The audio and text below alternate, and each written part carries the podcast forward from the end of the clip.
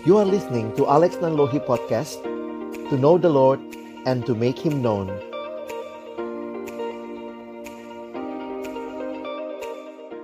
Kita hari ini mau bahas tentang Sebenarnya hari ini dan besok sih ya Bang Hari ini kita hmm. uh, mau ngobrol-ngobrol dulu Karena besok kita juga mau PA bareng dan saling mendoakan bareng oh. Nah uh, sebulan ini Bang kita membahas tentang bagaimana menjadi garam dan terang dan nanti itu ada hmm. banyak aspek-aspeknya di keluarga kemudian juga di uh, bagaimana menggumulkan panggilan hidup mengumpulkan uh, pasangan hidup bagaimana juga kehadiran kita menjadi berkat uh, di mana pun Tuhan tempatkan nah minggu pertama hmm. kita mau bahas tentang relasi dalam keluarga nah hmm. kita mau ngobrol-ngobrol mau nanya pengalaman uh, mungkin kalau Bang Alex ditanya uh, dulu pernah nggak Bang punya pengalaman maksudnya relasi sama keluarga tuh baik atau buruk atau mungkin pernah hmm. kalau ingat gitu ya Bang pernah berantem atau kayak gimana ya Bang? Kalau Bang Alex pengalamannya gimana Bang?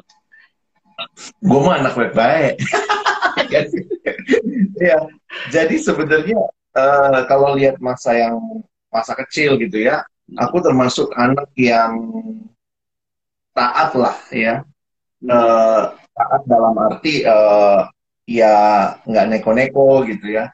Nah tapi memang masa-masa remaja masa-masa di mana mulai cari identitas uh, salah satu yang yang rasanya waktu itu mengekang adalah keluarga gitu ya. Jadi hmm. aku ingat waktu itu uh, berantemnya karena masa-masa remaja itu kayak kita lebih ngebelain temen terus kemudian ya sama orang tua nggak boleh keluar malam terus uh, nggak boleh uh, pergi sama teman gitu. Sampai satu waktu aku tuh marah banget gitu ya. Hmm. dan itu kalau ingat masa itu tuh jadi kayak ngerasa uh, aku kan udah besar gitu ya waktu itu udah udah dikasih motor gitu ya udah boleh bawa motor. Tapi kok nggak nggak boleh pergi pulang malam gitu. Nah itu tuh sempet tuh uh, ada ada masa-masa masa-masa nggak nggak nggak akur lah sama keluarga ngerasa hmm. kok orang lain boleh gue nggak gitu gitulah hmm. nah biasanya kan aku nggak tahu ya aku juga hmm. mungkin rada sama kayak bang Alex ya anak alim ulama nggak macem-macem nah tapi biasanya uh, tetap lah ya menurutku nanti kalau udah SMA terus apalagi kalau kuliah gitu uh, mulai lah ya gitu mulai punya kadang-kadang pemikiran yang berbeda atau mungkin kadang-kadang kayak nggak nyambung atau rasanya kadang-kadang yeah. juga kayak uh, apa ya kayaknya apa yang orang tua inginkan beda sama keinginan kita kayak gitu. Betul. Nah mungkin aku ini aku sempat kumpulin beberapa pertanyaan yang kadang-kadang sering jadi hmm. diskusi. Jadi siapa tahu ini berguna juga buat teman-teman yang menggumulkan, mengalami atau mungkin sedang mendampingi uh, adik-adik atau rekan-rekan yang mungkin juga bertanya atau minta pendapat, minta nasihat, minta konsultasi hmm. dari teman-teman. Kita juga bisa jadi memberikan gitu ya, uh, mungkin pertimbangan atau jawaban yang bisa menolong dia menggumulkan. Nah, beberapa yang sering ditanya begini kali ya, Bang, mungkin dari yang paling gak hmm. mendasar gitu. Uh, sebagai orang yang udah makin dewasa gitu ya, kita bukan berbicara lagi jadi yang uh, kita maunya main-main gitu ya. Kadang-kadang kan yeah. kita itu masih SMA mungkin ya emang masih bandel ya, yeah. tapi kalau dalam konteks makin dewasa gitu jadi mahasiswa makin sama-sama ngerti sebenarnya gimana sih ya bang kita bisa di satu sisi uh, menanggapi permintaan atau mungkin nasihat atau mungkin arahan dari orang tua yang yang mungkin kita tahu nggak benar gitu ya atau mungkin nggak nggak tepat. Tapi karena orang tua yang minta jadinya ke sana kita harus melakukan gitu. Bang Alex pernah punya pengalaman atau gimana ya kalau kalau menurut bang Alex kalau ngadepin orang tua atau keluarga yang seperti itu? Iya, nah ini ini aku menjawabnya dalam dua perspektif ya. Pertama perspektif sudah ngelewatin, walaupun waktu ngalamin nggak begitu. Tapi maksudnya gini boleh dong ya aku bagi pengalaman bahwa hmm. ada cara yang lebih baik lah yang menurutku akhirnya itu yang aku pakai sampai hari ini. Jadi awalnya kan perspektifnya ketika kita merasa orang yang deket sama kita kok jadi nggak bisa ngerti kita. Nah itu masa-masa itu tuh mereka kan harusnya tahu dong gitu. Kok kayak nggak nggak nggak ngerasa apa yang kita rasain, nggak sependapat dengan apa yang kita pikirin. Nah masa-masa itu tuh Ray sebenarnya yang menjadi krisis-krisisnya biasanya. Dan ya kaitannya sama jiwa muda perspektifnya ya kalau gua benar ya gua lawan gitu kan. Nah lalu kemudian situasi itu yang membuat akhirnya tuh bisa jadi ya ketika rusak relasi dengan orang tua misalnya. Karena ya ini kalau pengalaman ya kalau dengan orang tua itu kan banyak yang istilahnya kita ya ada ada yang memang sampai main fisik ya. Tapi kan hmm. kita sebagian besar mungkin waktu dengan orang tua itu uh, perkataan dan realitanya perkataan itu lebih lebih tajam, ngelukainnya tuh lebih dalam. Nah, ya. jadi saya aku melihatnya itu ya. Masa-masa itu ketika kita ngeluarin kalimat-kalimat, kalimat-kalimat yang seolah-olah membuat orang tua kita jadi merasa direndahkan, disudutkan, atau mungkin juga kita udah mulai punya pikiran mereka nggak sayang sama kita hanya karena apa yang mereka mau beda sama yang kita mau. Wah, itu Ah, makanya kalau aku ya akhirnya saya sudah melewati itu dan akhirnya memang sampai hari ini jadi jadi bagian yang aku pegang. Hmm. Dengerin dulu, dengerin aja, dengerin aja bahwa ada orang yang punya pendapat yang beda sama kita dan mungkin ya dalam tanda kutip mereka orang-orang yang sangat dekat sama kita, keluarga kita sendiri, orang tua hmm. kita. Belajar mendengar. Jadi jangan cepat merespon, jangan cepat ambil kesimpulan. Ini orang nggak peduli, uh, papa gue kayak eh, nggak uh, nggak nggak nggak nggak sensitif sama perasaan gue itu pelan-pelan dulu ya. Kalau kita menyadari ya tentu tidak ada orang tua yang sempurna. Hmm. tetapi paling tidak dia berpikir untuk kebaikan kita. Cuma hmm. mungkin cara menyampaikannya cara menyampaikan apa yang dia rasakan, bagaimana itu bisa jadi memang keluarnya seperti aturan. Pokoknya tidak boleh keluar. Pokoknya kamu harus ikutin maunya papa, maunya mama. Jadi hal-hal seperti itu mungkin itu ya ekspresi mereka yang mereka juga uh, kelihatannya biologis ya. Tapi mari pertama tahan diri untuk tidak membalas kata-kata dulu, belajar mendengar dan menangkap apa motivasi di balik perkataan-perkataan mereka itu. Walaupun belum tentu benar ya motivasinya yeah. itu eh, caranya, maksudnya caranya belum tentu benar, tapi kalau dia orang tua yang baik, paling tidak itu cara dia peduli dengan kita. Kalau bicara mengasihi, ya aku nggak bisa bilang semua orang tua pasti mengasihi juga ya, karena realitanya ada hmm. hal-hal. Hmm. Tapi dengan mereka masih menanggapi apa yang kita mau, apa yang kita pengen, sebenarnya itu menunjukkan kepedulian. Nah, hmm. jadi itu perspektif pertama sih. Perspektif pertama setelah melewati ya dulu juga kayak membalas kata-kata nyakitin gitu ya, itu tuh rasanya aduh kualat banget aku. ya dan itu waktu sudah lewatin akhirnya sadar ya. Makanya itu yang sampai hari ini kalau ada orang yang beda pendapat sama aku termasuk orang tua saudara dengerin aja dulu. Dengerin terus tangkap motivasi di baliknya. Coba pikirin dia sebenarnya mikirin kita atau tidak. Nah lalu yang kedua adalah masuk dalam mempertimbangkan. Mempertimbangkan ini adalah apakah yang mereka minta itu sesuai dengan kehendak Tuhan atau tidak. Ini kalau udah masuk kepada permintaan ya. Jadi hmm. kadang-kadang uh, sebelum masuk permintaan kita sudah duluan menyakiti juga atau apa ya, tapi kita jadi nggak nggak paham sebenarnya apa yang ada di balik itu. Nah, waktu masuk hmm. permintaan, pikir sih kita di situ dikasih dikasih hikmat lah sama Tuhan ya makin kita bertumbuh dalam Tuhan, kita makin mengetahui bahwa orang tua benar adalah wakil Allah di dalam dunia. Tetapi kehendak orang tua belum tentu kehendak Allah. Sehingga kalau ada pertentangan antara kehendak orang tua dan kehendak Allah, maka tetap loyalitas, kesetiaan kita, ketundukan kita yang paling utama adalah kepada kehendak Allah ketimbang kepada kehendak orang tua. Ingat, orang tua juga sudah jatuh dalam dosa. Kadang-kadang keinginannya kan itu misalnya ya menunjukkan keegoisan, menunjukkan uh, menutupi dosa. Saya kasih contoh sederhana lah, waktu baru berobat gitu ya. Uh, terus kemudian orang tua ngomong, zaman dulu kan itu orang kalau nelfon masih nelfon ke rumah ya. Nanti kalau ada telepon bilang papa atau mama nggak ada, ah itu kan disuruh bohong gitu ya. Aduh itu yeah. gimana?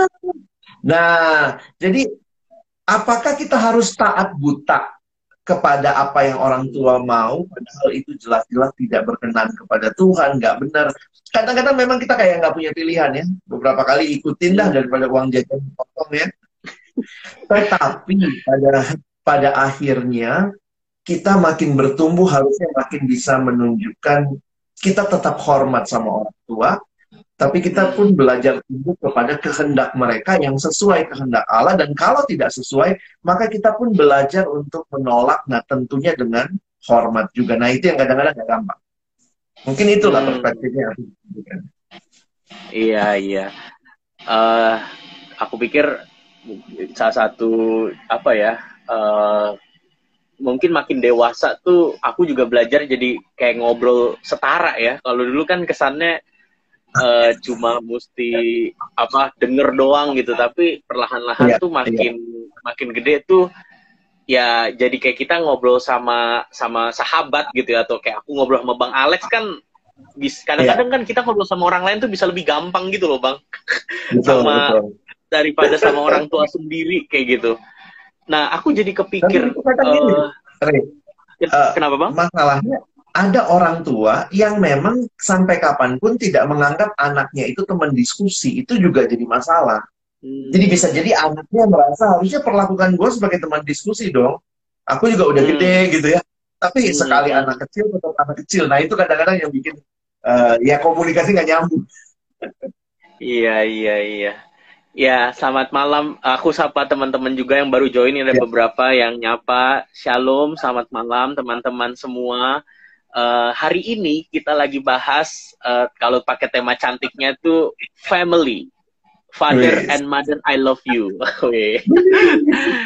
nah, ini dalam rangka sebulan ini PMKJ kita bahas tentang menjadi garam dan terang di berbagai aspek kehidupan. Nah, hari ini sama besok kita bahas tentang relasi dalam keluarga. Makanya malam ini kita ngobrol-ngobrol sama Bang Alex tadi kalau teman-teman sempat dengar kita lagi bicara tentang bagaimana kita sebagai anak dalam menghadapi orang tua kita atau keadaan keluarga kita satu sama lain. Nah teman-teman mungkin kalau ada pertanyaan atau mungkin juga siapa tahu ada yang mau didoakan tentang pergumulan keluarga feel free banget buat nge-DM ke IG PMKJ atau mungkin kalau pakai komen ke atas namanya kalau DM kan jadi bisa didoakan nanti kita doakan tanpa jadi nggak mungkin nggak perlu di, dilihat kalau mungkin namanya nggak kurang nyaman. Tapi kita sangat terbuka. Atau mungkin teman-teman mau bertanya langsung ke Bang Alex boleh ya di komen. Teman-teman boleh uh, ajukan pertanyaan atau mungkin apa yang bisa didiskusikan. Nah kita lanjut dulu kali ya Bang Iya. Uh, aku mungkin beberapa kali ngobrol sama teman-teman atau aku kadang-kadang juga ngalamin sendiri kali ya bang. Kenapa ya kalau sama orang tua sendiri tuh aku nggak tahu pengalaman bang Alex ya, tapi kalau sama orang tua sendiri tuh ya.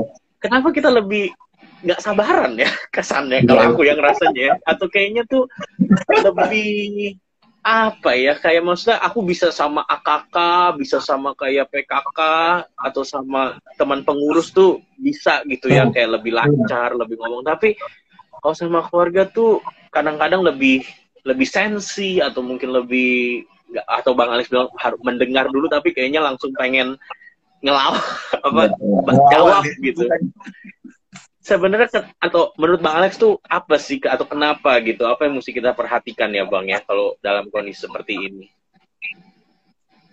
Iya, aku juga ngerasa apa ya? Apa itu memang sebuah realita ketika kita juga uh, kalau positifnya, kalau positifnya adalah karena kita merasa mereka orang yang mengerti kita.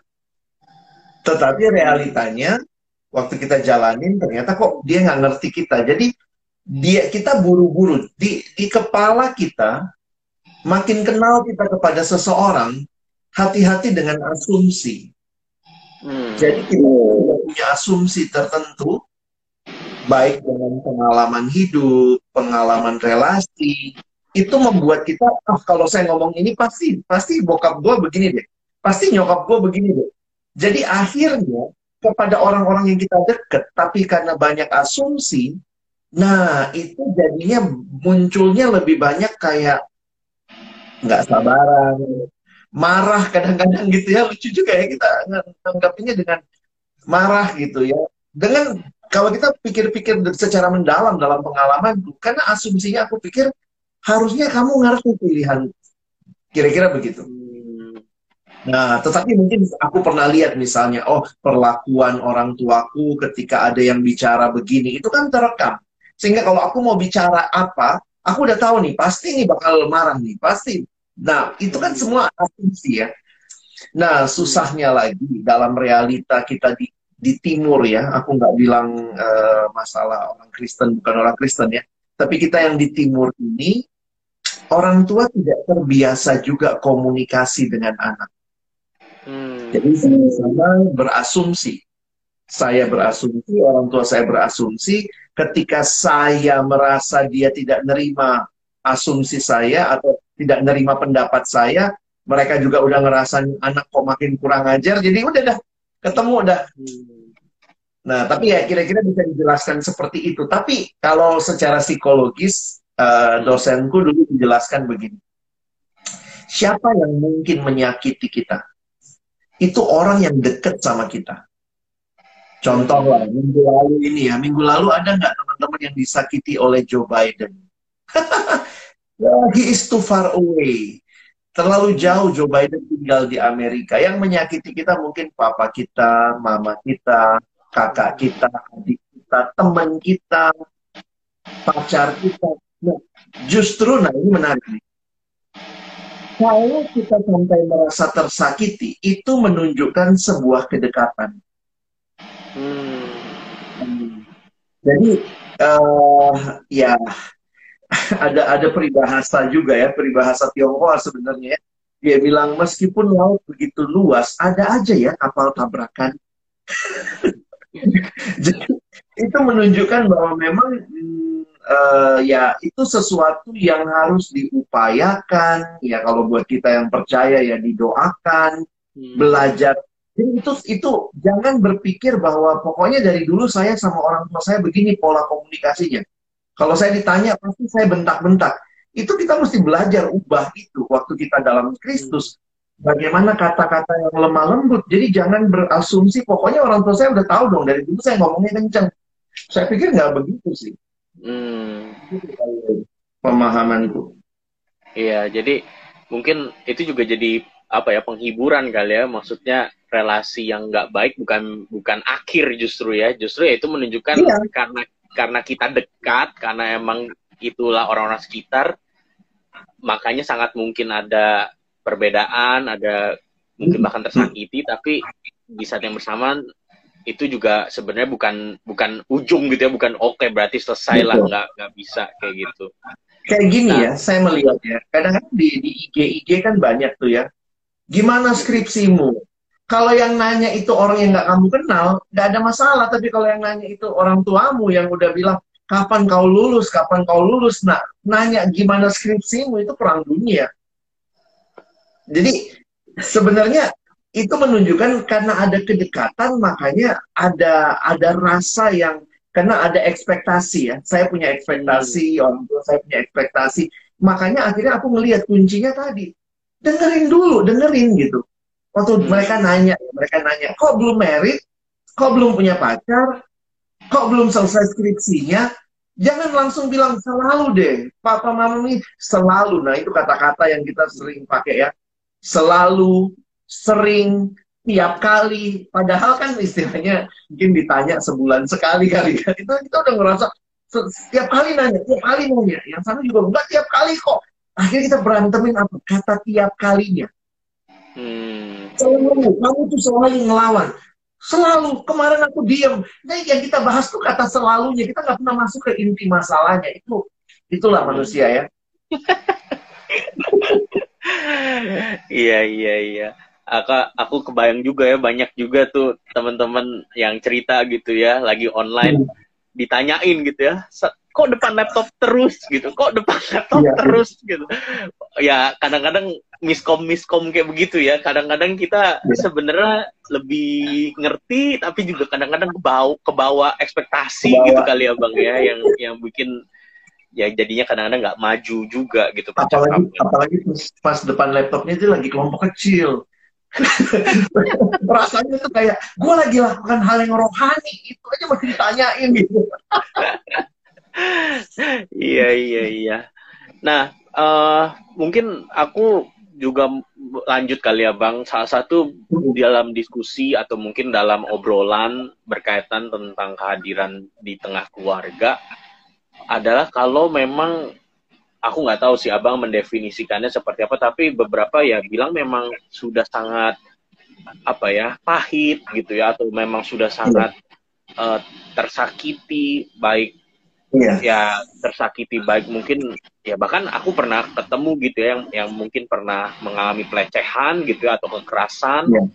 atau mungkin ya lewat omongan walaupun omongan itu juga sama sama berbekasnya kayak bang ya kalau aku boleh bilang iya. sama sama merusaknya gitu uh, dan kadang-kadang ya beberapa yang bilang ah suruh mengampuni orang tua suruh mengampuni orang tua gampang ngomong kamu nggak di posisiku gitu. Maksudnya ya iya. dalam dalam kesakitan dalam apa ya uh, ya satu sisi mungkin mereka tahu iya tahu gitu ya mesti mengasihi mesti mengasihi. Cuma ya ya ap gimana kayak gitu. Nah um, abang gimana bang? Maksudnya ada ap, apa pernah um, um, memberi konsultasi atau apa yang mungkin bisa kita perhatikan kalau menurut Bang Alex?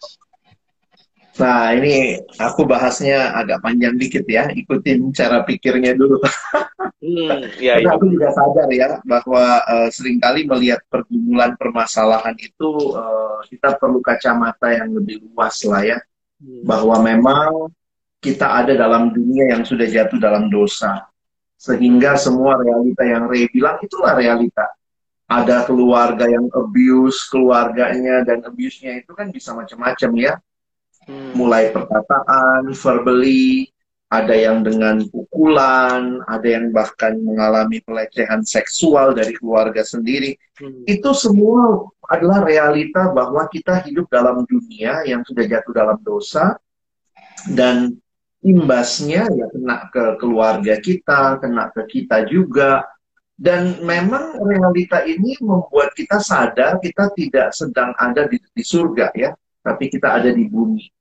Nah, itu membuat kita juga jadi harus punya perspektif yang yang benar kali ya untuk melihat itu.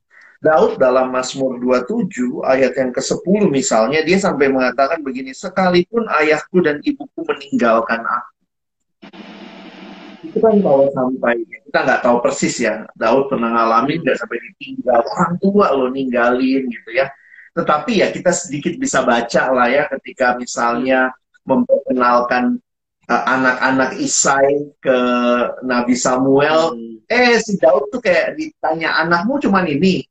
Oh iya masih ada satu tuh gitu ya jadi kelihatan nggak Daud justru paling kecil tapi kayaknya menanggung beban keluarga harus jaga kambing domba ya kita bisa hmm. nafsirin hmm. sampai ke situ lah bahwa mungkin dia juga anak yang tanda kutip tidak diperhitungkan tetapi hmm. Tuhan memperhitungkan nah jadi cara pikir ini yang kita selalu harus bawa dalam pikiran kita karena begini di dalam hidup itu ada kira-kira coba kalau kita daftarin ya ada 10 hal yang ya 10 atau lebih hal yang kita nggak bisa pilih, tapi dipilihin Tuhan buat kita.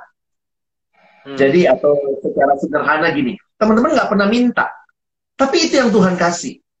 Misalnya hmm. uh, jenis kelamin, itu kan kita nggak pernah pesen ya. Saya cowok dong, saya cewek dong. Mungkin kalian bilang, oh kan bisa operasi sekarang ganti kelamin. Ya, jangan mikirin itu. Tapi ketika kamu lahir ada jenis kelamin yang Tuhan kasih. Hmm. Kamu nggak pernah bisa milih orang tua.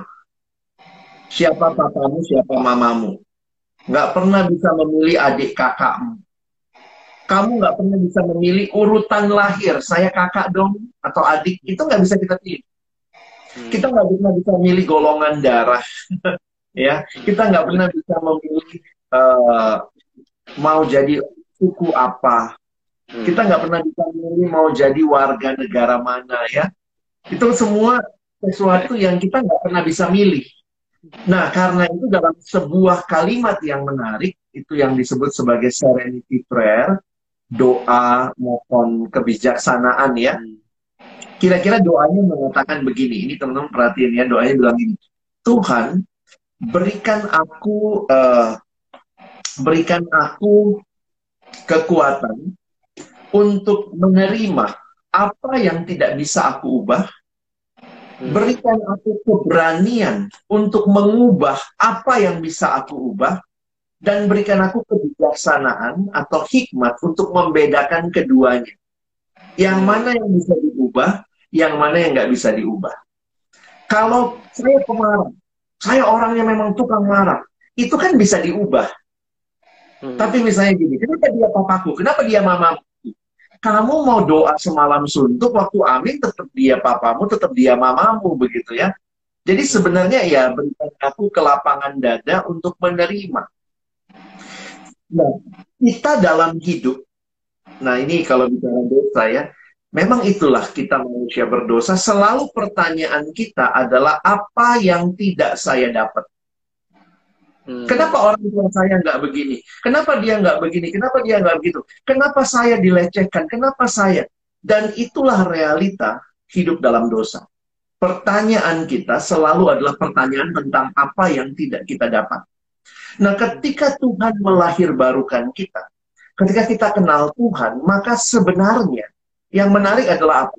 Ketika Tuhan melahirbarukan kita, orang tua kita kan nggak berubah ya. Hmm. Gitu kita terima Yesus, maka pulang ke rumah, eh papaku ganti, eh mamaku ganti. Enggak, kita tetap sama orang tua yang sama. Sehingga buat kita yang tidak percaya Yesus sebagai Tuhan dan Juru Selamat, sebenarnya pertanyaannya harus diubah bukan lagi pertanyaan tentang dosa itu kan intinya aku aku aku aku. Hmm. apa yang aku nggak dapat kenapa dia papa aku kenapa aku nggak dapat kasih sayang kenapa aku dilecehkan. Itulah semua pertanyaan karena realita dunia yang berdosa. Tetapi ketika kita disentuh oleh kasih Allah maka pertanyaannya ditambah sebenarnya. Tuhan tidak mengatakan semua yang lama itu nggak terjadi. Wah kamu nggak pernah dilecehkan, kamu nggak pernah disepelekan. Itu semua sudah terjadi dan kamu alami. Tapi Tuhan kasih satu pertanyaan tambahan buat kita. Pertanyaannya sederhana. Bukan apa yang kamu dapat dari keluargamu, tetapi sekarang. Ketika masih itu keluargamu, masih itu kakakmu, masih itu abangmu, masih itu adikmu. Tidak ada yang berubah, tetapi hatimu telah berubah maka pertanyaannya adalah apa yang menjadi rencana Tuhan, yang Tuhan mau saya berikan, kenapa mereka keluarga saya? Hmm. Beda ya. Pertanyaan dalam dosa, apa yang saya nggak dapat? Tetapi pertanyaan di dalam Kristus, apa yang bisa saya berikan? Di tengah-tengah memang saya pernah dilecehkan, memang saya pernah mengalami kekerasan, memang saya sering dimaki-maki. Ini orang tua yang nggak benar, tapi Tuhan, kenapa kau taruh saya di keluarga seperti ini? Tuhan, apa yang engkau mau saya bisa berikan bagi keluarga saya? Kalau kita bisa sampai ke situ saja, saya nggak minta teman-teman macam-macam, ampuni segala macam. Pikirin dulu, kenapa Tuhan izinkan kamu ada di keluargamu?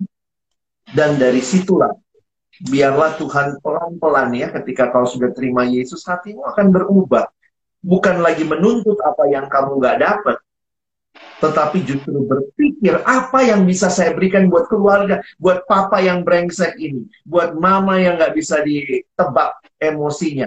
Apa yang bisa saya berikan Tuhan? Dan itu ternyata sekolah yang Tuhan izinkan buat kita hmm. makin sabar. Dan bukankah itu buah dari kehadiran Roh Kudus ya? Hmm. Kasih, sukacita. Jadi teman-teman memang nggak mudah ya. Tetapi ya pelan-pelan lah, ya pelan-pelan. Karena saya harus katakan sangat-sangat mengerikan, menyedihkan realita keluarga yang sudah jatuh dalam dosa.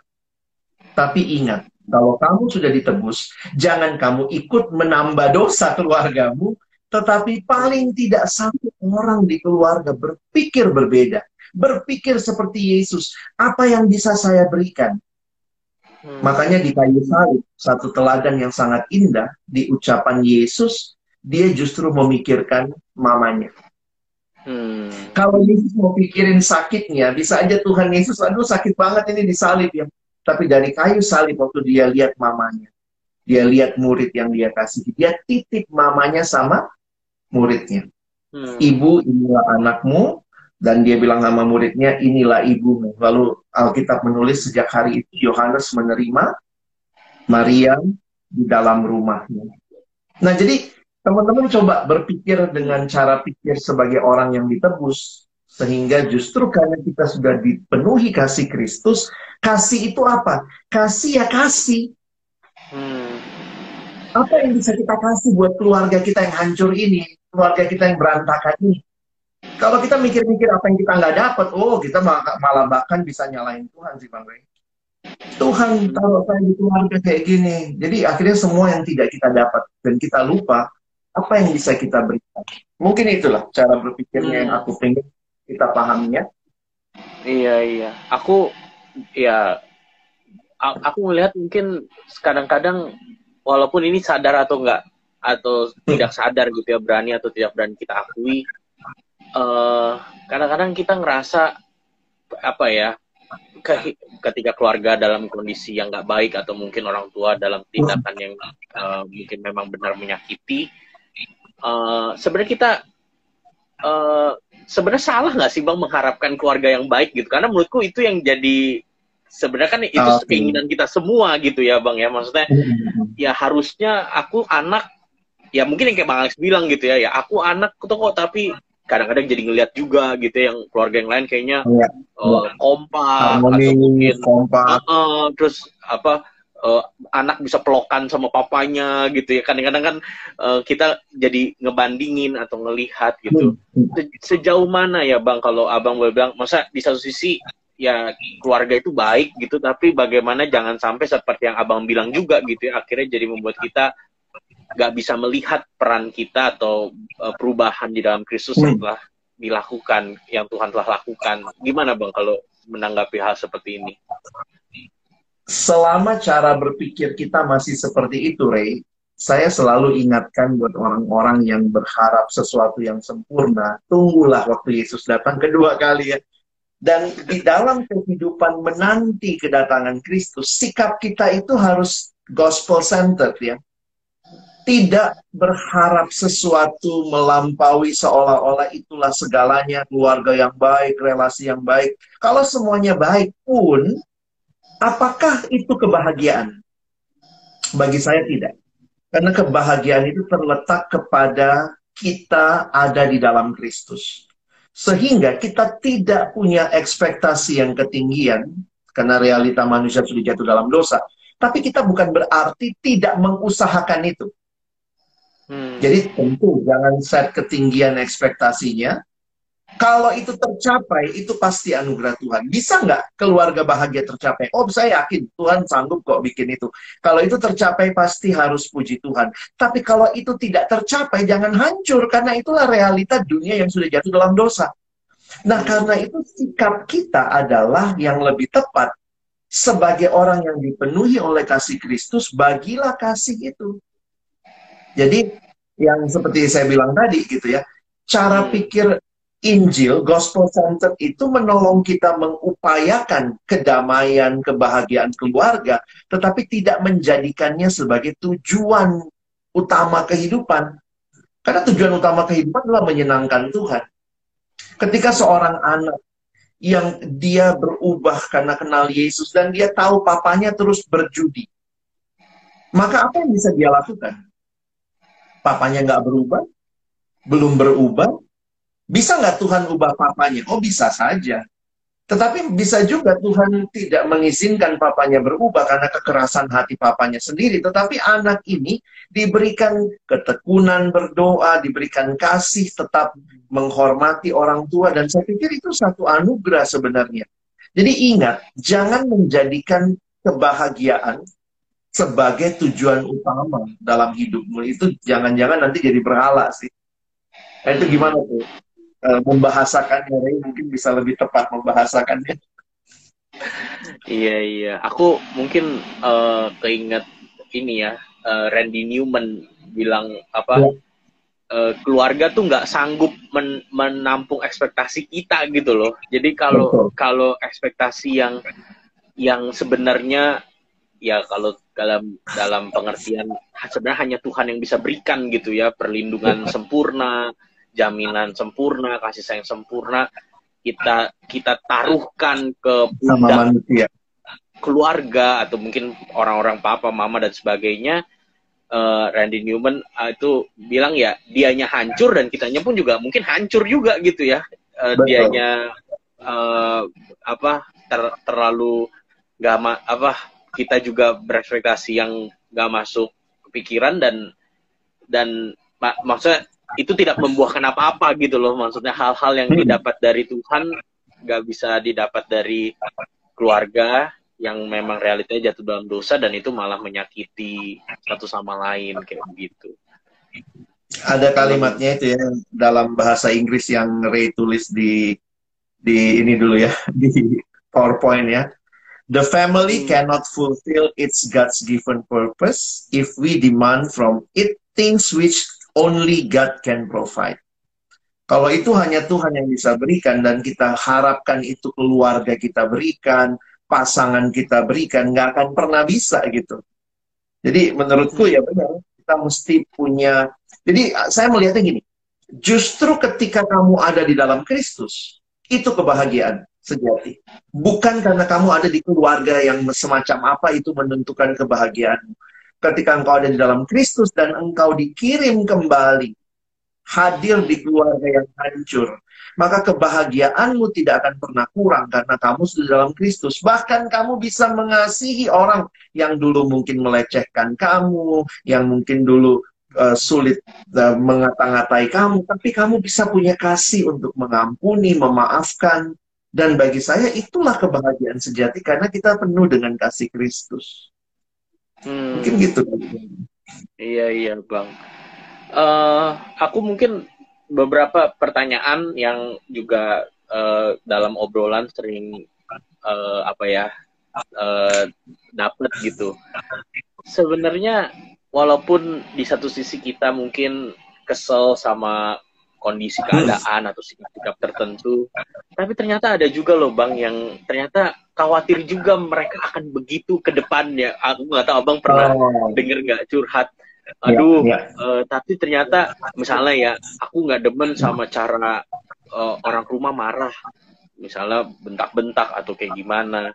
Tapi uh, dia juga maksudnya tapi gue juga sebenarnya kayak begitu loh bang kayak gitu dan kadang-kadang jadi berpikir ini tuh kayak lingkaran setan atau turun temurun yang akhirnya yeah, membuat yeah. dia juga jadi apa ya kayak ragu atau panik sendiri juga atau takut gitu. Hmm.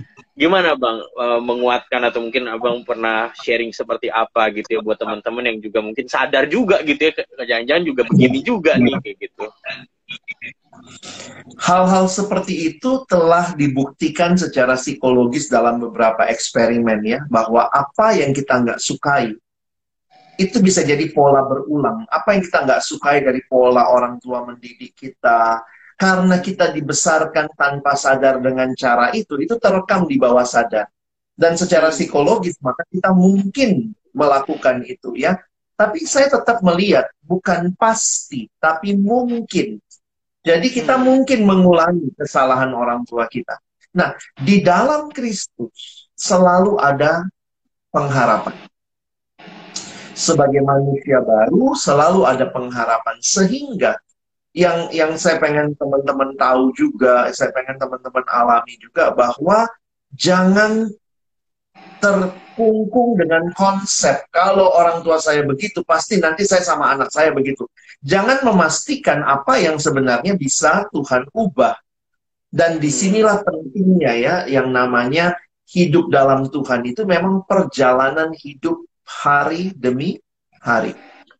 Hmm. Saya baru baca tulisannya pendeta John Stott, dia bilang begini, kalaupun kamu menang hari ini, karena perjuanganmu kamu menang hari ini, ingatlah peperangan yang sama kamu akan alami lagi besok. Jadi jangan pernah merasa karena sudah menang hari ini, ah, pasti hmm. akan menang terus. Enggak gitu, enggak juga.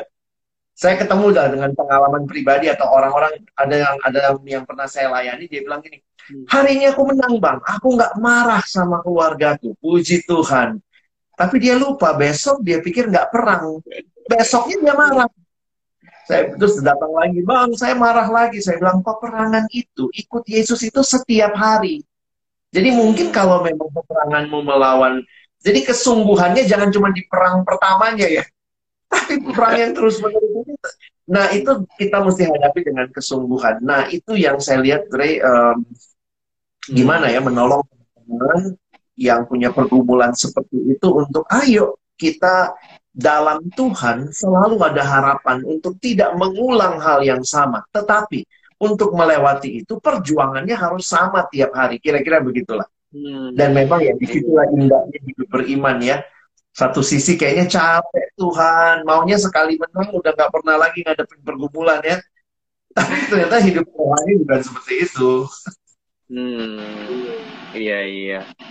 Aku mungkin juga kepikir da dalam tingkat tertentu kalau teman-teman merasa emang itu benar-benar mengganggu atau benar-benar membuat teman-teman sampai berubah sikap, nggak ada salahnya juga untuk uh, mencari masa konsultasi atau mencari ya. konselor untuk kayak mungkin sekedar men men melihat gitu sebenarnya seberapa besar sih uh, ini mempengaruhi diriku gitu karena kadang-kadang ya. kan ada beberapa sikap yang mungkin kita nggak sadar tapi dengan ya. kita ada yang jadi cermin atau mungkin ada percakapan yang menolong uh, bisa membantu kita menyadari. Betul. Kalau kalau begitu apakah masa menurut Bang Alex uh, apakah apakah perlu gitu atau apakah baik kalau dari pengalaman Bang Alex apakah ada, maksudnya kan kesannya jadi kayak lebay banget sih harus sampai kayak uh, konseling gitu ya apa emang uh, ini cuma masalah sabar atau cuma masalah tahan emosi uh, gimana bang kalau dari pengalaman abang juga?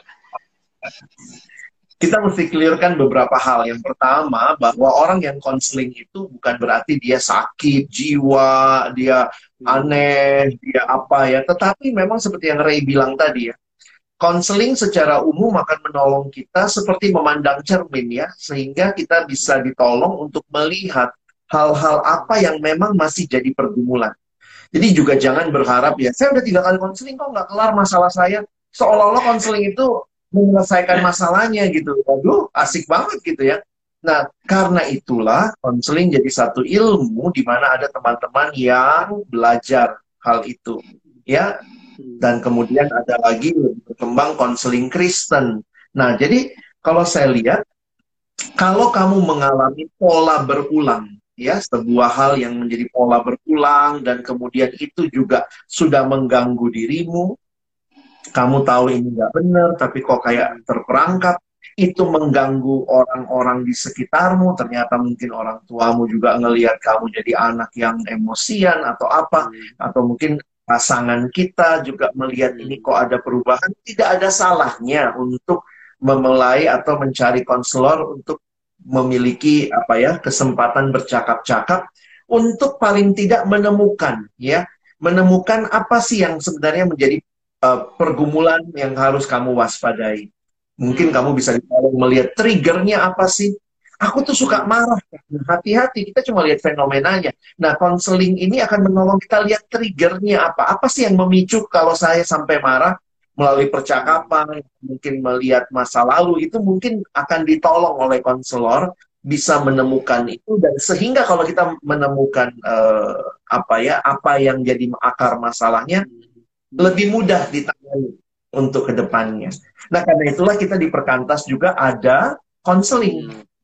Ya jadi teman-teman silakan uh, masuk ke uh, website atau IG Perkantas Jakarta, di situ teman-teman bisa klik ya, saya butuh konseling nih. Nah, di situ di link tree-nya ada tuh ya, formulir pendaftaran konseling, kalian bisa ikut untuk misalnya melihat lah, kenapa ya saya tuh selalu takut tidur malam nggak tenang. Nah, ternyata ada trauma-trauma masa lalu yang mungkin hmm. itu perlu diatasi dan relasi dengan keluarga biasanya itu menjadi akar. Karena kita hmm. tuh paling lama di keluarga dan paling dalam ditanam di keluarga sebenarnya. Hmm. Misalnya ada orang iya, tua iya. yang tidak percaya sama anaknya, jadi anaknya nggak pedean. Dan kalau hmm. nggak pedean itu sudah sampai ini ya, kalau mau presentasi keringet dingin, sampai ketakutan semalam sebelumnya nggak bisa tidur, terus kemudian kalau nunggu hasil nilai itu sampai, nah itu kalau sudah sampai terganggu seperti itu, sampai fisik terganggu gitu ya, eh, sebaiknya ya kita konseling ya itu menolong. Dan itu biasanya akarnya di keluarga karena mungkin kamu nggak dianggap nggak dipercaya di rumah. Nah itu semua bisa ditolong lah. Saya pikir begitu ya. Selalu ada harapan dalam Tuhan oke ya jadi semoga teman-teman juga siapa tahu mungkin menemukan atau mendampingi adik-adik atau sahabat ya. yang teman-teman lihat juga memerlukan dan kita juga terbatas kali ya bang ya masa nggak kita mungkin juga iya. nggak bisa ngerti semua nggak bisa ada semua. salahnya untuk mungkin mencoba uh, di Linktree di Perkanas Jakarta kami juga sudah memulai setahun terakhir untuk pelayanan konseling dan kami melihat ini juga semoga uh, membantu buat teman-teman atau rekan-rekan yang teman-teman ketahui. Ya uh, mungkin sebagai pertanyaan yang terakhir kali ini tapi Ruben ya. belum datang datang masih tadi dia masih masuk, tadi masuk cuman kayaknya nggak nggak diundang. Ya, aku belum lihat sih tapi aku udah minta dia suruh request invite ya tapi um, okay. nanti nggak apa-apa. Uh, mungkin terakhir uh, berkaitan kalau tadi tadi kan tentang uh, bagaimana secara pribadi mempunyai cara pandang atau bagaimana punya kerangka berpikirnya kali ya bang.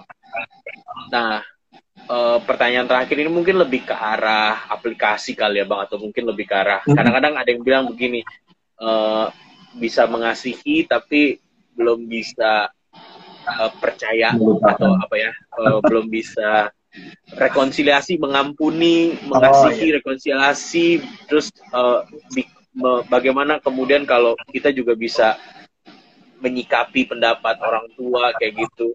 Abang ngeliatnya tuh gimana sih maksudnya uh, di satu sisi kan memang cara pandang dimulai dari kita gitu ya, tapi konsep mengampuni tapi belum bisa rekonsiliasi itu Abang lihat apakah bisa seperti itu atau lalu kalau begitu bagaimana uh, kalau apa yang dari pengalaman Abang pernah alami atau konsultasi? Iya. Karena waktu terbatas, saya pikir saya jelaskan prinsipnya saja ya. Yang namanya rekonsiliasi itu dua pihak. Terjadinya harus dua pihak. Jadi yang satu misalnya minta maaf, yang satu juga memaafkannya itu terjadi rekonsiliasi. Nah, tetapi realitanya sulit rekonsiliasi karena nggak mudah kan karena melibatkan dua kepala. Hmm. Makanya ada hal yang menarik yang Tuhan berikan dan itu jadi perintah. Perintahnya itu mengampuni. Sebenarnya menarik loh mengampuni ini karena mengampuni ini berkaitan dengan satu pihak. Hmm. Jadi pengampunan itu satu pihak sifatnya. Belum tentu setelah dia mengampuni terjadi rekonsiliasi. Makanya di dalam Alkitab kalau kita baca, rekonsiliasi itu menjadi suggestion, bukan perintah. Sedapat mungkin kalau hal itu bergantung kepadamu, hiduplah dalam perdamaian dengan semua orang. Yang perintah di Alkitab itu mengampuni. Jadi misalnya begini, papa mama kita tuh terus menyakiti kita, kata-katanya lah, kita disepelekan lah, Iya bagian kita adalah ampuni mereka itu bagian kita. Mereka sadar nggak sadar itu urusan mereka sebenarnya kan. Hmm. Kalau mereka sadar lalu minta maaf terjadi rekonsiliasi. Tapi kalaupun mereka tidak minta maaf sampai mereka meninggal dunia, kita punya tanggung jawab memaafkan mereka karena mereka tidak tahu apa yang mereka perbuat kan secara kebenaran begitu ya. Sehingga, hmm. nah di sinilah susahnya karena manusia egois dalam dosa nggak kenal pengampunan. Yang kita kenal balas dendam. Kalau saya disakiti papa mama saya, boleh dong saya nyakitin mereka juga dengan kata-kata saya. Itu cara berpikir kita. Dan itu sebenarnya bukannya membawa rekonsiliasi, malah tidak akan pernah mungkin terjadi rekonsiliasi. Tetapi kalau kita mengampuni, kelihatannya kita lemah. Tetapi sebenarnya di situlah kekuatan yang Tuhan kasih untuk kita bisa menahan, tidak membalas. Makanya sabar itu dalam terjemahan Yunaninya, dipakai istilah sabar itu long suffering. Jadi hmm. uh, bahasa, bahasa Inggrisnya tuh long suffering ya, makrotumia itu tuh panjang gitu ya. Penderitaan yang panjang itulah sabar gitu. Saya pengen banget balas, tapi saya nggak balas. Bahkan saya doain mereka. Dan itu menjadi bagian yang kita nggak membawa beban di pundak kita. Bayangkan kalau kita terus mikirin balas dendam. Kamu nggak akan pernah selesai. Tapi begitu kita mengampuni, maka kita mengatakan, ya Tuhan, aku mengampuni.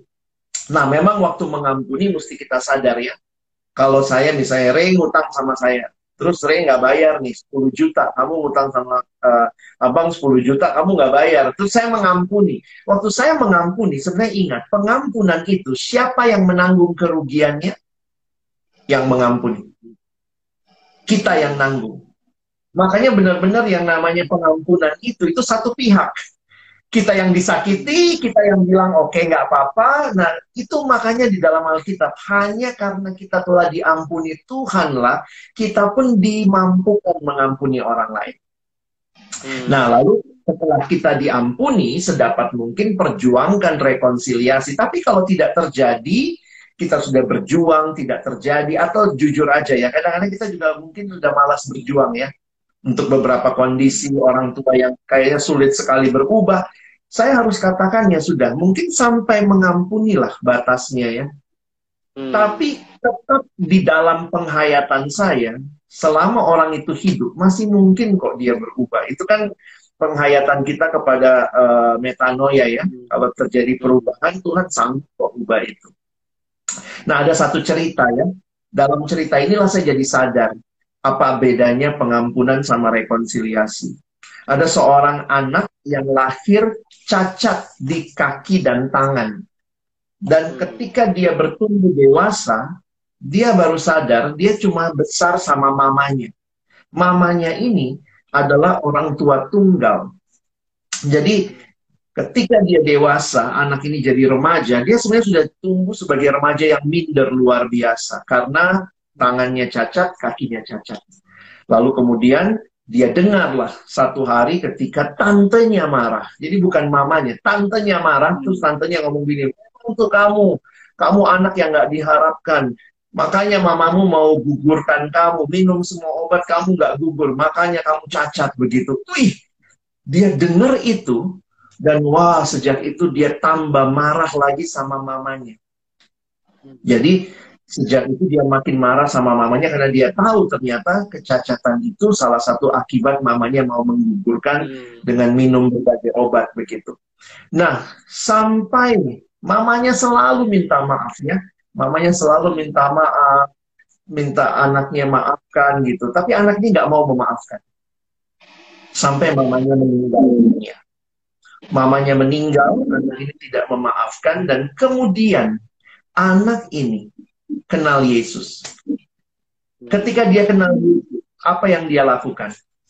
Dia ditolong untuk mengampuni mamanya yang sudah meninggal. Pengampunan bisa terjadi sampai kapan pun, tapi tidak ada lagi rekonsiliasi karena mamanya sudah meninggal.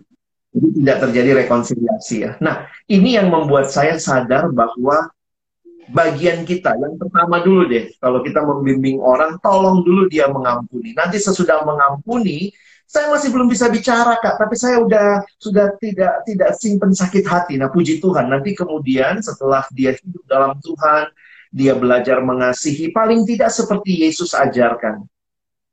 Kasihilah sesamamu berdoalah, uh, kasihilah musuhmu dan berdoalah untuk mereka yang menganiaya kamu. Jadi kalau dia nganggap bapaknya, mamanya musuhnya, paling tidak ampuni dulu. Sesudah ampuni, mungkin pelan-pelan dia baru bisa berdoa. Saya masih belum bisa ngomong langsung kak. Kalau ngomong masih emosi, ya udah doa dulu. Nanti pelan-pelan dalam anugerah Tuhan ya, pengampunan itu juga butuh waktu, butuh proses. Saya ngomong begini satu anak pernah tiba-tiba bilang gini, Kak, gue sulit mengampuni. Wah, saya udah pakai ayat-ayat. Kenapa sih sulit mengampuni? Uh, Tuhan Yesus mati di kayu salib, masa kamu sulit mengampuni gitu ya? Seperti dia ngomong, mama saya dibunuh. Saya pembunuhnya itu masih hitungan omnya dia. Hmm. Jadi di situ saya sadar ya. Kadang-kadang kita cuma dalam nama Yesus pokoknya pengampunan terjadi. Dia butuh waktu untuk mengampuni. Karena dia bilang itu masih keluarga dan dia yang bunuh mama saya. Memang dia sudah masuk penjara, sudah menanggung hukumannya, tapi kan namanya keluarga ya. Berapa tahun kemudian keluarga itu datang, anaknya datang, anaknya mirip lagi mukanya sama bapaknya yang membunuh mamanya teman saya itu. Bilang, hmm. saya nggak bisa ampunin. Saya bilang, paling tidak kamu belajar untuk minta sama Tuhan ya, bahwa pelan-pelan pengampunan itu terjadi sehingga paling tidak mau ketemu paling tidak mulai dengan doa dan memang itu mungkin untuk tiap orang butuh proses yang berbeda-beda tergantung bulan. Hmm, oke. Okay. Uh, eh, semoga teman-teman percakapan kita malam hari ini boleh menjadi apa ya, menjadi perenungan sama seperti judul kita overthinking before sleeping dan siapa tahu kalau teman-teman juga uh, ya kita bisa mulai kali ya yang udah lama nggak doain keluarga yang udah lama hmm. mungkin nggak nggak apa ya walaupun kondisi baik kondisi buruk tapi kupikir malam ini jika kita punya kesempatan berdoa buat keluarga masing-masing dan juga mungkin mendoakan adik, klien kita, sahabat yang kita tahu juga dalam pergumulan dalam relasi keluarga ini, kupikir uh, malam ini kita bisa ambil waktu kali ya berdoa untuk uh, menguatkan ataupun uh, minta Tuhan terus bekerja buat diri kita maupun mungkin orang-orang yang kita dampingin. Ya, uh, sekali lagi thank you Bang Alex uh, buat waktunya dan kesempatannya. Teman-teman, besok PMKJ jam 5 sore kita uh, mungkin bukan bentuknya pemaparan tapi kita mau PA bareng dari Efesus 6 Uh, dan kita mau sama-sama sebenarnya saling mendoakan gitu ya. Memang topik seperti ini tidak mudah dan mungkin sensitif berbeda buat setiap orang, tapi doa kami adalah uh, ya sebagai murid Kristus, sebagai penggenapan visi menjadi terang di mana Tuhan tempatkan ya paling pertama juga di keluarga kita bisa saling mendoakan, kita bisa dikuatkan firman, kita bisa saling uh, mendukung satu sama lain. Oke, okay? Kalau gitu, terima kasih sekali lagi Bang Alex dan juga teman-teman yang udah join. Feel free nanti buat share rekaman ataupun uh, link ini siapa tahu menjadi berkat juga buat teman-teman lain yang membutuhkan. Sampai jumpa minggu depan dan besok bareng-bareng di PMKJ jam 5 sore. Selamat malam teman-teman. Selamat malam Alex. Thank you. Bye. Bye. Thank you teman-teman.